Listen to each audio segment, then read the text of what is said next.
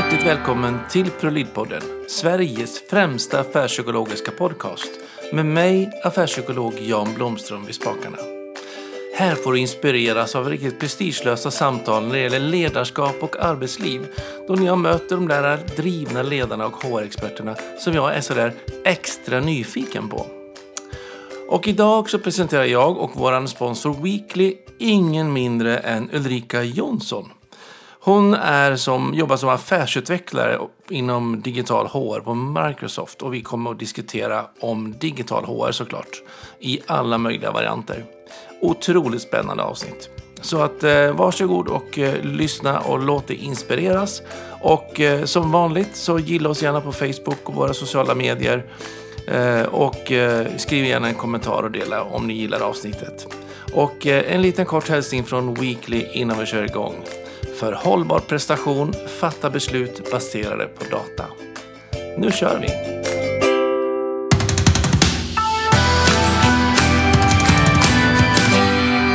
Hjärtligt välkommen till ProLid-podden säger jag till Ulrika Jonsson.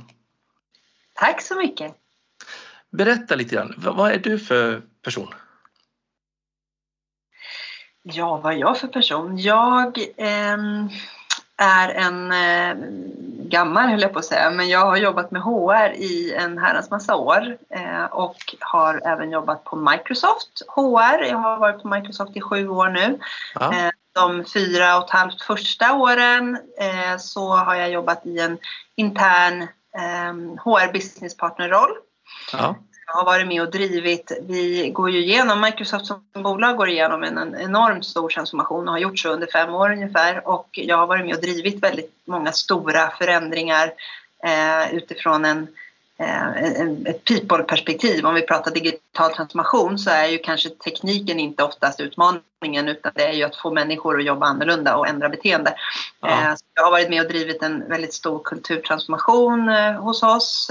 Vi har helt och hållet ändrat på hur vi ser på prestation och hur vi bedömer våra medarbetare. Så det har jag varit då liksom Eh, Eh, delaktig i här och vi såg någonstans att det vi har gjort under många år är det som våra kunder också är på väg in i. För att lyckas med deras digitala transformationer så behöver man fokusera på, på människan och på förändring.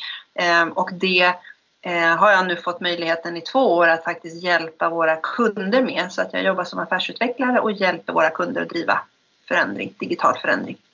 Vad spännande.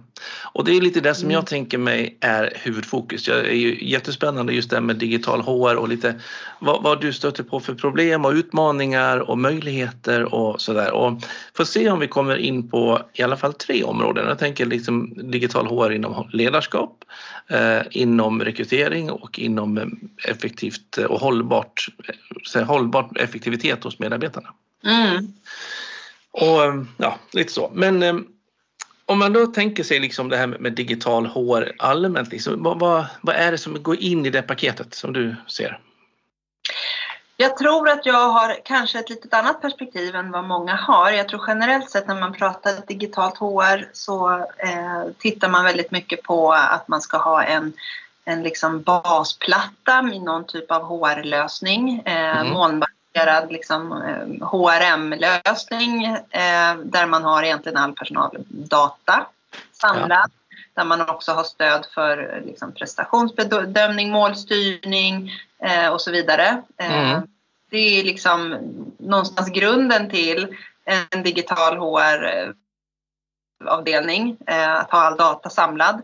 Eh, sen börjar många, väldigt många titta på hur kan vi effektivisera HR, hur kan vi automatisera många delar i Eh, liksom många delar i HRs roll och ansvar handlar ju om operativt arbete, mycket mm. administration och så vidare. Hur kan vi jobba smartare? Hur kan vi lyfta bort arbete som vi inte behöver göra fysiskt längre? Mm. Kunna fokusera på de stora frågorna. Eh, så det är ett område, hur kan vi använda AI, hur kan vi använda chattbottar, hur kan vi öka, öka liksom tillgängligheten för medarbetare men hur kan vi egentligen förbättra hela medarbetarupplevelsen med hjälp av tekniken. Eh, mm. Jag lägger också perspektivet digital arbetsplats inom eh, digital HR för jag ser ju någonstans att produktivitet och möjlighet till samarbete och möjlighet till just hållbarhet och så vidare den digitala arbetsmiljön är en HR-fråga. På vilket sätt då? Ja, men jag tycker någonstans om, och vi, ja, det är svårt att hitta svenska ord som är lika bra som engelska, men vi har ju en av våra digitala prioriteringar som vi ser att kunder behöver liksom, eh, investera i. Det handlar om att empower your employees. Mm. Alltså att ge våra anställda de bästa förutsättningarna för att kunna göra ett bra jobb. Oavsett om det handlar om att man står i en butik och ska kunna ge en bra kundupplevelse eh, baserat på att man också har den insikten som kunden själv ofta har när man kommer in i en butik så vet man ungefär vad man vill ha för vara. Mm. Eh, och där är det idag så att de flesta, eller väldigt många i alla fall, butiks, av butikspersonalen har inte tekniska hjälpmedel för att kunna ge en bra kundupplevelse. Eh, och det är, för mig, det är för mig att empower your employees, att ge anställda de bästa förutsättningarna. Jag märker ju också när man går in i butiker ibland så är det ganska lätt att man är den som vet mer än vad de i butiken känner till om varorna. Ja. Och, och, det är lite grann det som du säger att, att de har inte samma förutsättningar att liksom vara in, on the top of the line liksom i, i kompetens eller i insatthet i frågeställningarna som kanske kunden har idag. Exakt. Och, det, och, och, så är det ju och då kan man ju bara tänka sig själv hur man känner sig eh, när man står nu drar vi butik som ett exempel, men jag tror att det är precis likadant inom oavsett om du jobbar inom byggindustrin eller om du jobbar inom hotellbranschen eller på fabriksgolvet. Du har oftast privat har du ju en helt annan digital mognad och möjlighet. Eh, mm. För att du hämtar de verktyg och du laddar ner de, de appar som du vill ha. Eh, men på jobbet har du inte samma förutsättningar att göra det. Så att jag tror att det här handlar ju om en faktiskt överlevnadsfrågan och kunna attrahera talanger i framtiden så måste man kunna erbjuda digitala verktyg för mm. samarbete och för att kunna göra ett bra jobb. Mm. Det är ju i allra högsta grad en HR-fråga. Ja, absolut. Spännande. Och eh, det här låter som att ni har faktiskt jobbat ganska målinriktat med och det ska vi, jag tänker lite så när man pratar mycket, jag träffar mycket chefer i mina uppdrag mm. och eh, då, det jag tycker att man i större organisationer, då, då kan man ju liksom ha det här tänket, i alla fall det här med, att liksom samla all data i, lättillgängligt och så. Eh, men hur är det med de som har mindre bolag? Hur kan de se på digitalt HR? Och kanske fåmansbolag? Det är klart att det finns ju en gräns för när det inte är relevant att kanske ha en jättetung molnlösning där man har HR-data samlat. Jag menar har man fem anställda så visst man behöver ha, man behöver ha en lön, vad ska man säga, ett lönesystem och så vidare. Ja. Eh, men det är klart att ju större organisation desto större vikt är det både vid att, att, ha data samlat men också kunna få fram analyser på vad vi har för rekryteringsbehov. Hur ser fördelningen mellan olika avdelningar ut och så vidare. Eh, det är ju när det gäller själva liksom, den, den HR eh, databasen om man säger. Ja. Men jag ska ändå säga om man nu tittar på det stora perspektivet på digitalt HR som jag ser eh, mm. så finns det fortfarande lika stort behov av att ge anställda bra förutsättningar. Sen kanske man inte har allting in-house. Jag menar man kanske inte bygger upp en hel learning management plattform eh, om du har 20 anställda utan då, då kanske man köper den tjänsten. Eh, det finns ju väldigt många sådana tjänster att köpa. Eh, mm. Men jag tror ändå att man måste någonstans utgå ifrån en, en medarbetarupplevelse. Vad behöver våra medarbetare för att kunna göra ett bra jobb, för att kunna utvecklas i bolaget och framförallt hur ska vi kunna locka till oss nya medarbetare. Mm. Ja, och det är det jag kan se också nu att eh, det, behovet är minst lika stort, kanske ibland större i, i riktigt små bolag. För de är ännu mer sårbara om det ska bli, få in fel eller att man inte liksom, jobbar på ett effektivt sätt. Mm. Så jag tycker och, det blir en konkurrens. Och locka, locka till sig kompetens också. Ja, för då blir det annars de här trötta som kanske inte är i en teknisk framkant och, och liksom på, som, som hamnar hos de mindre. Då, då tappar man otroligt mycket konkurrensfördel. Ja, verkligen, verkligen. Däremot ja, ser det ju hemskt man... olika ut liksom. om, det, om det är ett litet bolag om man inte har de här musklerna precis som du säger. Men, ja, men... att man får bestå lite och försöka få till det på den nivån man, man be, är och behärskar. Ja, Ja, och tittar man på lite större bolag så ser jag ju också att då kan ju liksom digitaliseringen av HR verkligen möjliggöra eh, att man kan fokusera på strategiska arbetsuppgifter för att annars är man ju väldigt mycket fast i det som bara måste funka kring administration och kring mer operativt arbete. Eh, ja. Kan man lyfta bort det med hjälp av tekniken, eh, ja då kan man ju frigöra tid. Om man tänker så, det är en annan värld som i alla fall har en ganska mycket personal men som kanske inte är så jag säga, digitalt i framkant. Om man tänker sig en enhetschefer inom äldreomsorgen. Mm. För mig är de i alla fall urtypen till att kanske inte vara så otroligt digitaliserade men som ändå har otroligt stora grupper av, personal. Mm. Har du någon erfarenhet från de verksamheterna, hur de kan tänka kring digital HR? Jag har ju generellt sett ganska låg liksom, kunskap och erfarenhet kring eh, offentlig sektor måste jag erkänna för jag jobbar mest med våra eh, privata företag. Men, ja. men alltså generellt sett, och jag har ju haft dialoger med, med HR-chefer inom vissa kommuner och så och det, det finns ju lika mycket behov där, om inte ännu större behov. Man är ute och, och, och liksom gör ett, ett extremt viktigt jobb eh, och man kanske inte är, man, man sitter inte på ett kontor först och främst. Bara det faktumet gör ju, tycker jag, eller berättigar eh, en investering i medarbetaren. Har, man har inte samma möjligheter att få information snabbt. Det kan hända saker, man kanske behöver ha hand om olika typer av scheman. Alltså det är väldigt, väldigt mycket som måste funka för man har ju inte ens ett skrivbord så att man gör ju jobbet ute på fältet. Ja. Eh, så för mig är ju det extremt viktigt att fokusera på. Och, och tyvärr är det ju så att det är väldigt, väldigt många som inte ens har möjlighet att få en, en eh, arbetstelefon eh, på jobbet. Ja, det är det som känns som blir så otrolig skillnad mellan vad man ja. faktiskt finns utrustning till att göra till de förutsättningar man har. När man liksom, och det finns en padda per, per liksom hela enheter ibland. Liksom. Ja, exakt. Och samtidigt, jag kommer hela tiden tillbaka till säkerheten också för jag tror inte att vi kan som arbetsgivare oavsett liksom, industri eller bransch eh, eller uppdrag så kan vi inte negligera det faktum att vi som privatpersoner har behov av eh, att kommunicera och samarbeta och eh, ja, vad det nu kan handla om, få tag i information. Mm. Och det löser vi privat men om vi inte tillgodoser det behovet som arbetsgivare ja då kommer ju såklart våra medarbetare att hitta andra sätt att eh, tanka ner appar för att lösa det behovet. Och då har vi ju å andra sidan en, en säkerhetsutmaning där för då tappar vi, då kan det ju pågå konversationer och skickas dokument och information i verktyg och i liksom eh, ja, i verktyg helt enkelt som inte vi har kontrollen över som organisation och som företag. Ja. Jag var borta ett för inte så länge sedan och då skulle den sluta och då hade de betalat alla avgifterna och licenser och sånt där via sitt privata Visakort. Mm. Och så står arbetsgivaren där och har liksom inte ens tillgång till systemen längre. Nej.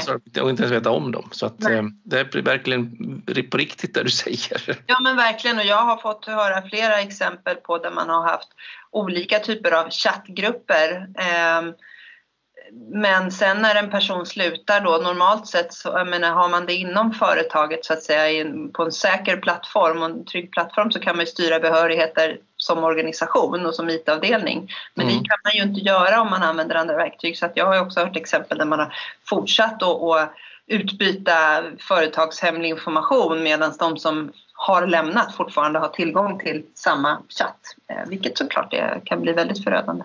Det kan ju verkligen vara ja. Mm. Vad spännande. Mm. Eh, du, eh, det finns ju ett gäng chefer som är ändå lite rädda för det digitala. Ja. Vad, vad, gör, vad, du, vad, gör, du, vad gör du med dem? Jag tänker att jag har varit borta i många sådana situationer i alla fall. Ja, absolut. Och det handlar ju både om det digitala utifrån, det finns jättemånga aspekter på, på rädslan skulle jag säga. Det finns ju en rädsla i att tappa kontrollen. Mm. Eh, det finns en rädsla i att, att tappa kontrollen och då menar jag inte bara det faktum att mina medarbetare kan prata med varandra utan att jag som chef är involverad. Men det kan också handla om kontrollen av information. Eh, traditionellt så kanske inom många branscher i alla fall så får medarbetarna information genom att chefen berättar Ja. eh, eller skickar ett mejl. Eh, Men när man öppnar upp och faktiskt t- möjliggör för medarbetare att få access och tillgång till, till data och till information eh, då, då tappar man ju kontrollen på sätt och vis. Så det är absolut en förändringsprocess som man, totalt nödvändig. Man kan inte låta bli, skulle jag säga. Men det är liksom en del av rädslan som jag märker, att det blir ett nytt ledarskap. Ja. Eh, och ofta kommer ju med möjligheten till teknik och flexibilitet kommer ju också möjligheten att inte bara jobba på kontoret utan också jobba när man vill och var man vill. Ja. Eh, vilket ställer helt andra krav på ledarskapet utifrån eh, tillgänglighet, närvaro, eh, kontroll igen och så vidare. Och då blir det ju jättekonstigt när man säger då att nej, men man får inte svara på mejlen efter 18.00 liksom, eller vad det nu kan vara för att folk är ju så olika.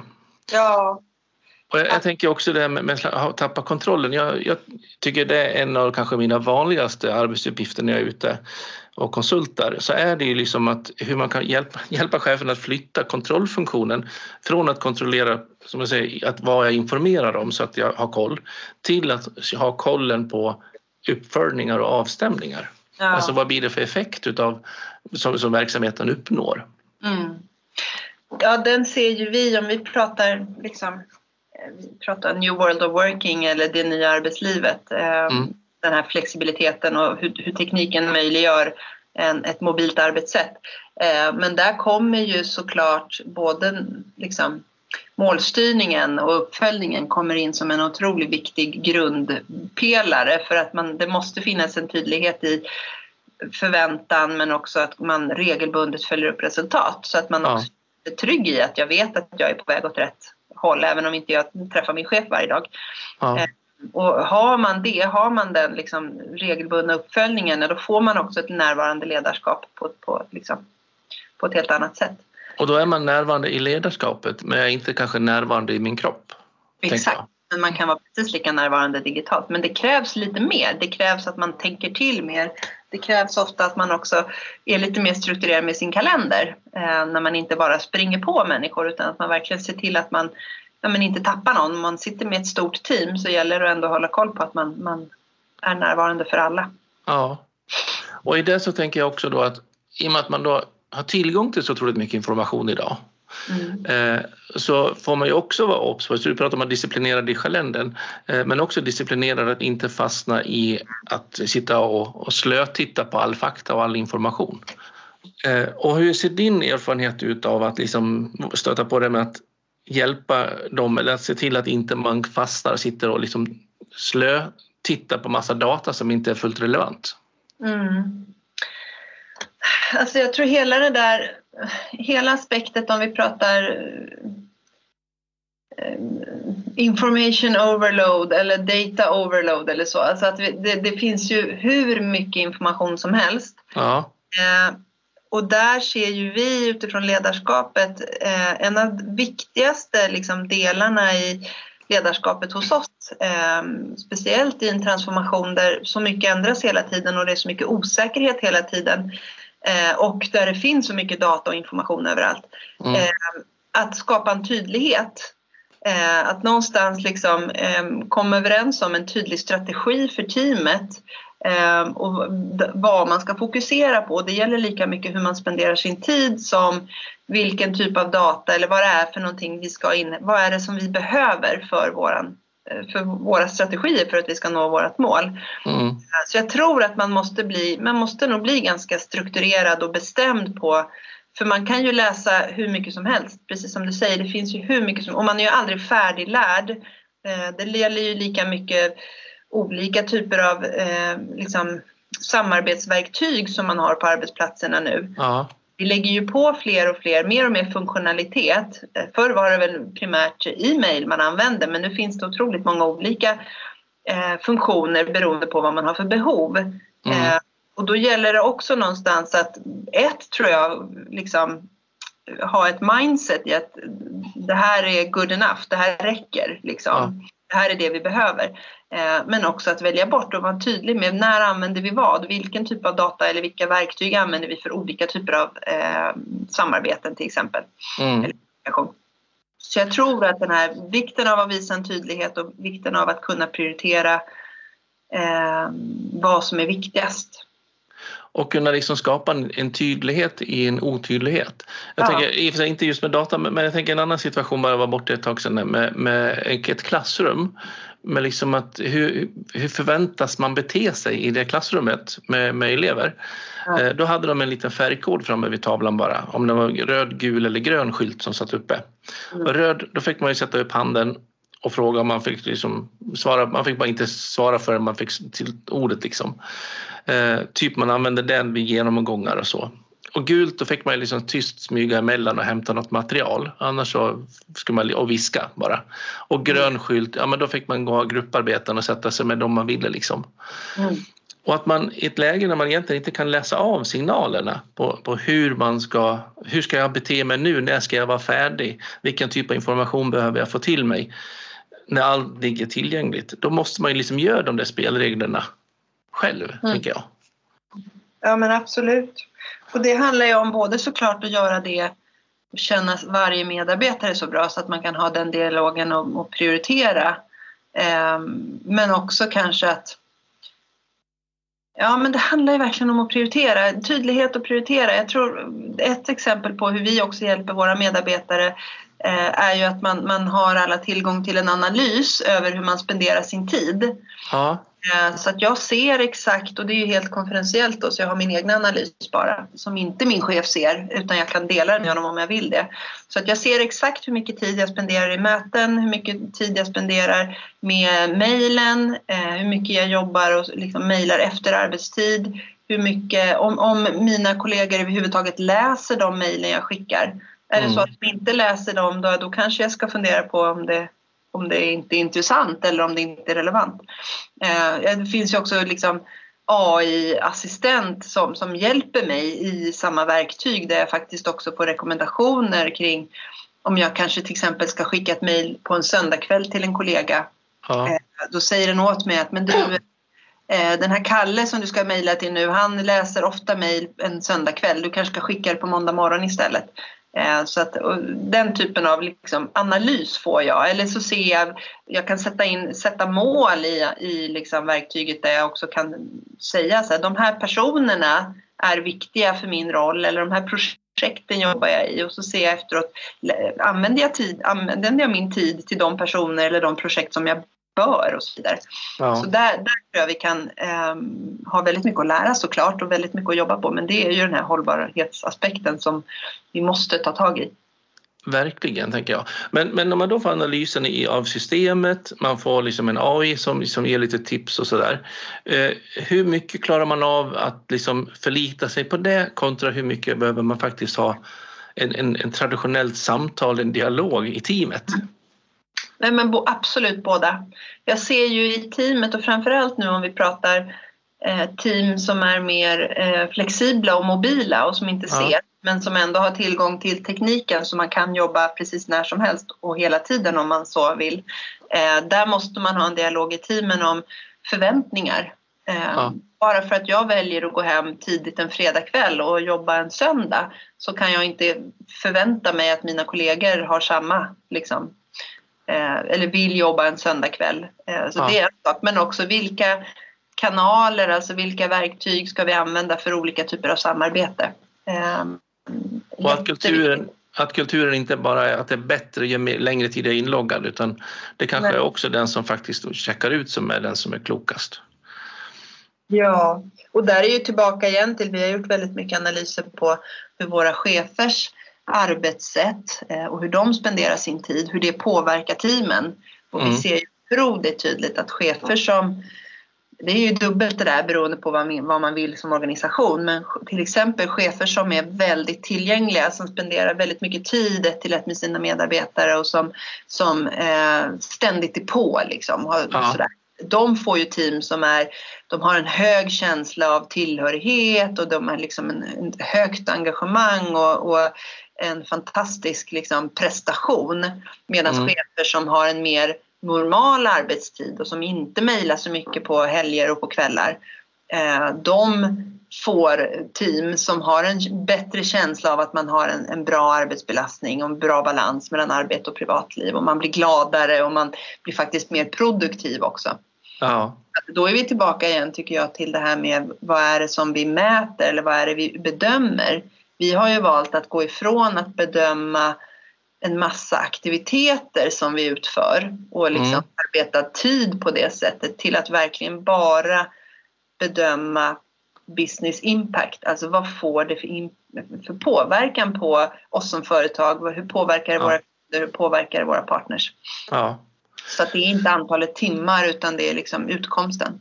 Och, och då det... är det grattis till den som klarar det på kortast tid. Liksom. Och, det, och jag tycker ju att många, på många ställen så pratar man att man vill jobba målstyrt och att det liksom, man ska mäta dem på effekt och sådär. Sen sitter man ju fast i så många gamla arbetsprocesser och strukturer som, som bygger på det gamla regelsystemet. Vad som mm. är rätt och fel och hur många timmar man ska vara och så vidare. Och det bara kortsluter ju hela effekten utav det. Man får ju aldrig någon utdelning utav det. Nej, Nej men absolut. Så att det är att våga släppa måste ju vara en otroligt ja. viktig del. Att släppa det gamla och förlita sig på, på möjligheterna och resurserna i ett modernare sätt att jobba. Ja. Eh, jag har en tjänst i min portfölj som heter Affärspsykologisk puls. Eh, och eh, mm. den baseras egentligen på en metod som, eller verktyg som heter Weekly. Som ja. du säkert känner till. Ja. Och det är ungefär som en medarbetarenkät fast en gång i veckan fast man svarar bara på några få frågor varje vecka och mm. olika frågor till alla medarbetare. Men man får ett snitt i, i gruppen och så gör en analys och så kan man liksom få ett, en puls in i hur, hur beteendet fungerar knutet till affärsnyckeltal och så. Mm. Eh, och eh, där har jag börjat jobba med att de, i varje team så ska man kunna utse någon som har liksom befogenheten att gå in och se på gruppens resultat. För du nämnde lite grann att de här analyserna så är liksom, chefen ser dem inte utan det är bara ens personliga, vart man lägger sin tid och så.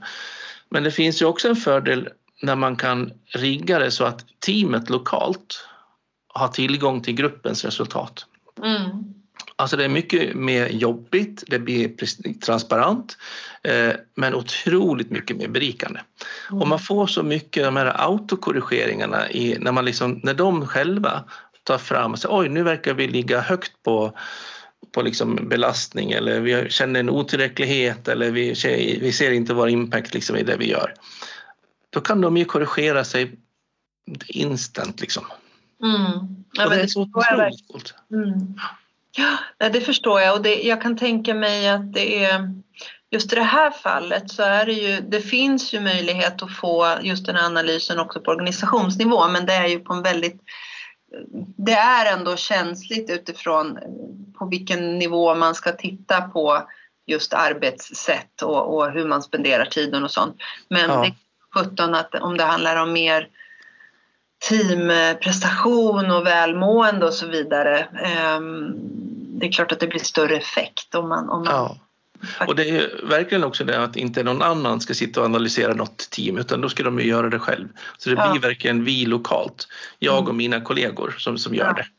Eh, och då måste man ju ha gjort en deal med dem så att de är liksom överens om det och att de har tillit på varandra och, mm. och så. Men, men har man gjort det grundkontraktet bara då, då får man verkligen den här transparensen som man får själv, där man själv får reflektion, var lägger jag min tid och hur det ser ut? Då får man den på en gruppnivå lokalt som är runt ett team eller ett projekt. Mm. Vilken kraft det är. Det är bara så jäkla coolt. Ja, men det förstår jag verkligen. Jag måste lära mig mer om Weekly. Ja, det är jättespännande faktiskt. Funkar himla bra. Eh, och är det någon som lyssnar på det och har testat det så återkoppla gärna vad ni har för erfarenheter från Weekly. Eh, jag tänker lite grann på det här med också att eh, lyfta fram önskade ageranden. Eh, vi vill ju att eh, oftast att medarbetare ska bete sig på det ena sättet framför andra. Mm.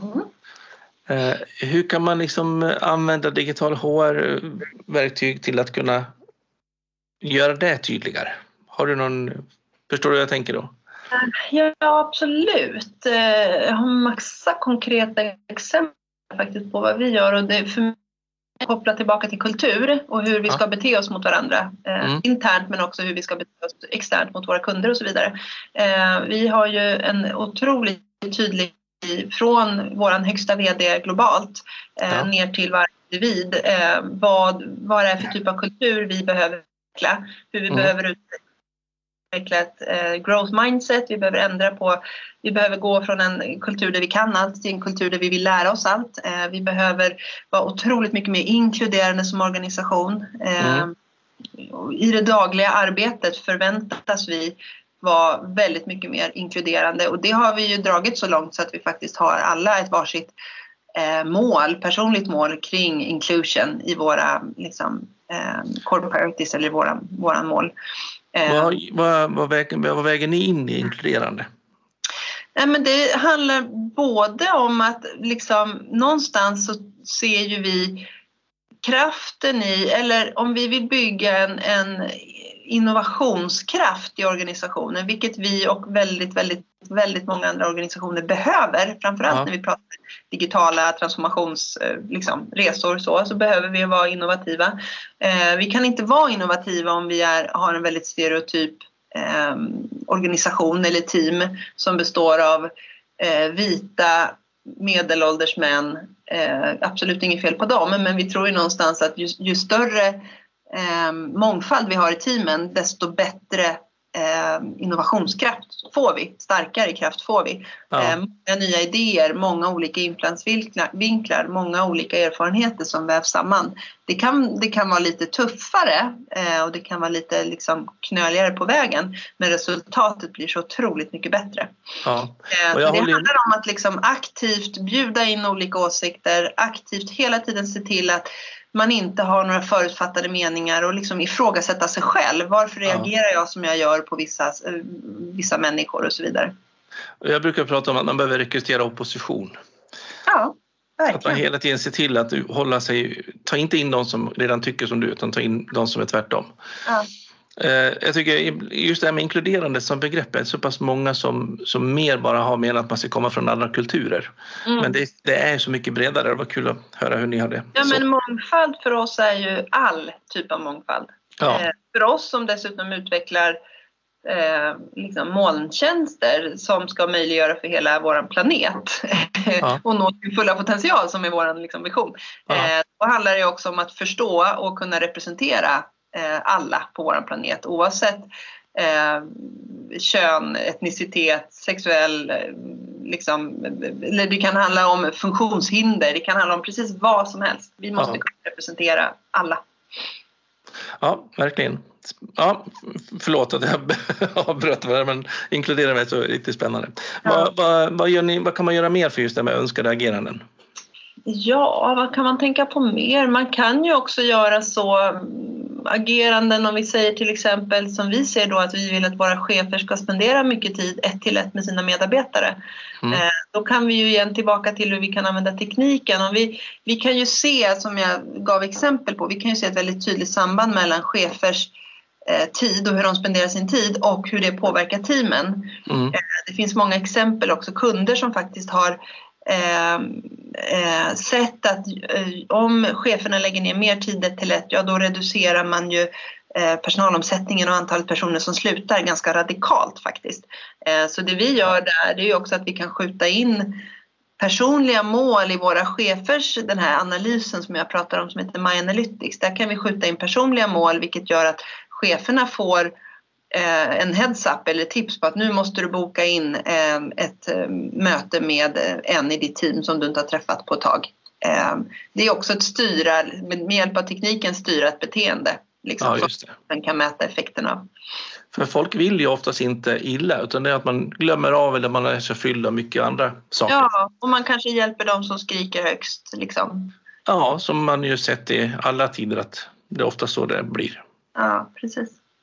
Nej, så det är ett sådant exempel, men det kan finnas massa andra exempel, tänker jag.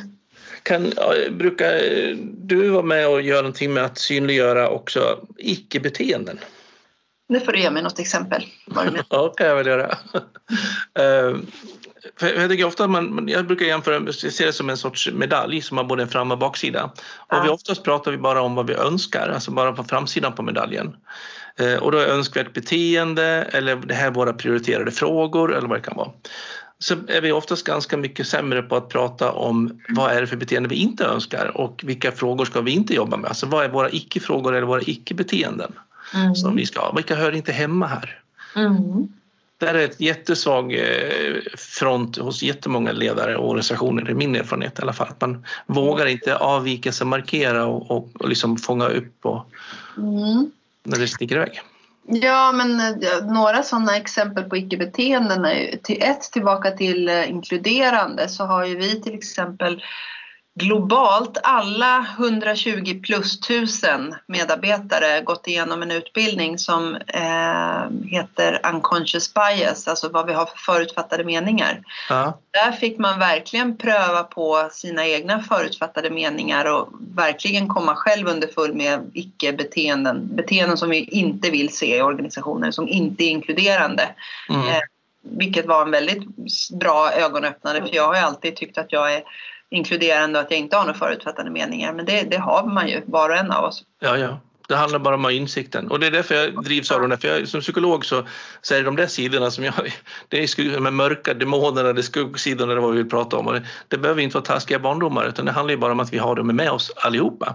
Ja. Men, det, men det är sällan vi använder det som ett verktyg i jag upplever att man inte gör det så mycket varken i det digitala eller i vanligt HR-arbete utan vi är liksom för försiktiga i det där. Ja är lite ängsliga. Ja, sen kan ju, jag tänker mig just på Microsoft så kan ju vi ha fördelen av att både ha som sagt en extremt stark ledare eh, globalt och en väldigt transparent ledare som eh, delar väldigt mycket av eh, sina misstag och vad han har lärt sig av dem och så. Mm. Eh, han, eh, och vi har väldigt, väldigt starka värderingar och vi har liksom jag tror någonstans att eh, som Microsoftare så, så man behöver kanske inte ens uttala det för att man, man vet vad som förväntas men man vet framförallt också vad som inte är accepterat. Ja, för det ligger så tydligt liksom. Det ligger liksom i våran grund på något sätt. Ja, Åh, vad coolt. Eh, mer sånt till folket säger jag. ja, mer Microsoft till folket. ja. eh, när kan det tekniska hjälpmedlen få motsatt effekt då? Ja, men det kan det ju få hela tiden och det är därför jag, eh, eller vi ska jag säga, inte bara jag, vi ser HR som så otroligt eh, viktiga eh, att driva förändring. Det är ju för att det finns ju hur mycket verktyg som helst där ute. Mm.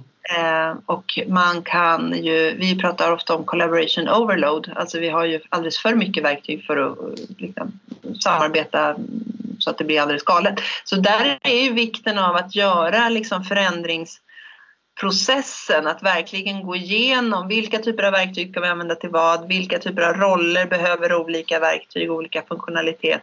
Eh, det är ju ett sådant exempel. Ehm, men sen tror jag också generellt sett att det kan ju skapa en, alltså den tekniska utvecklingen går ju otroligt snabbt även om den aldrig kommer gå så långsamt som den gör nu säger ju alla. Mm. Eh, det tror jag i sig kan skapa en stress. Eh, det kan jag ju känna själv också som inte har någon teknisk bakgrund men ändå förväntas hänga med mm. i utvecklingen såklart i våra eh, i våran teknologi. Mm. Ja, att, att liksom ja, att, att kunna hantera stressen av att och, och acceptera att inte kunna allt. Liksom. Nej, för det är Kanske massor man inte kan. Ja, exakt. Och fokusera på det som är viktigt för min roll och för, för mina kunder.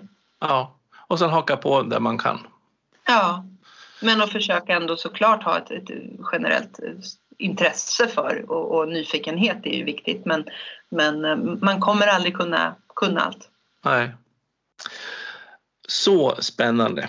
Är det du, eh, vi har nog eh, fler utmaningar framför oss när det gäller digital HR och eh, säkert kommande samtal också om vi, om vi får till det framöver.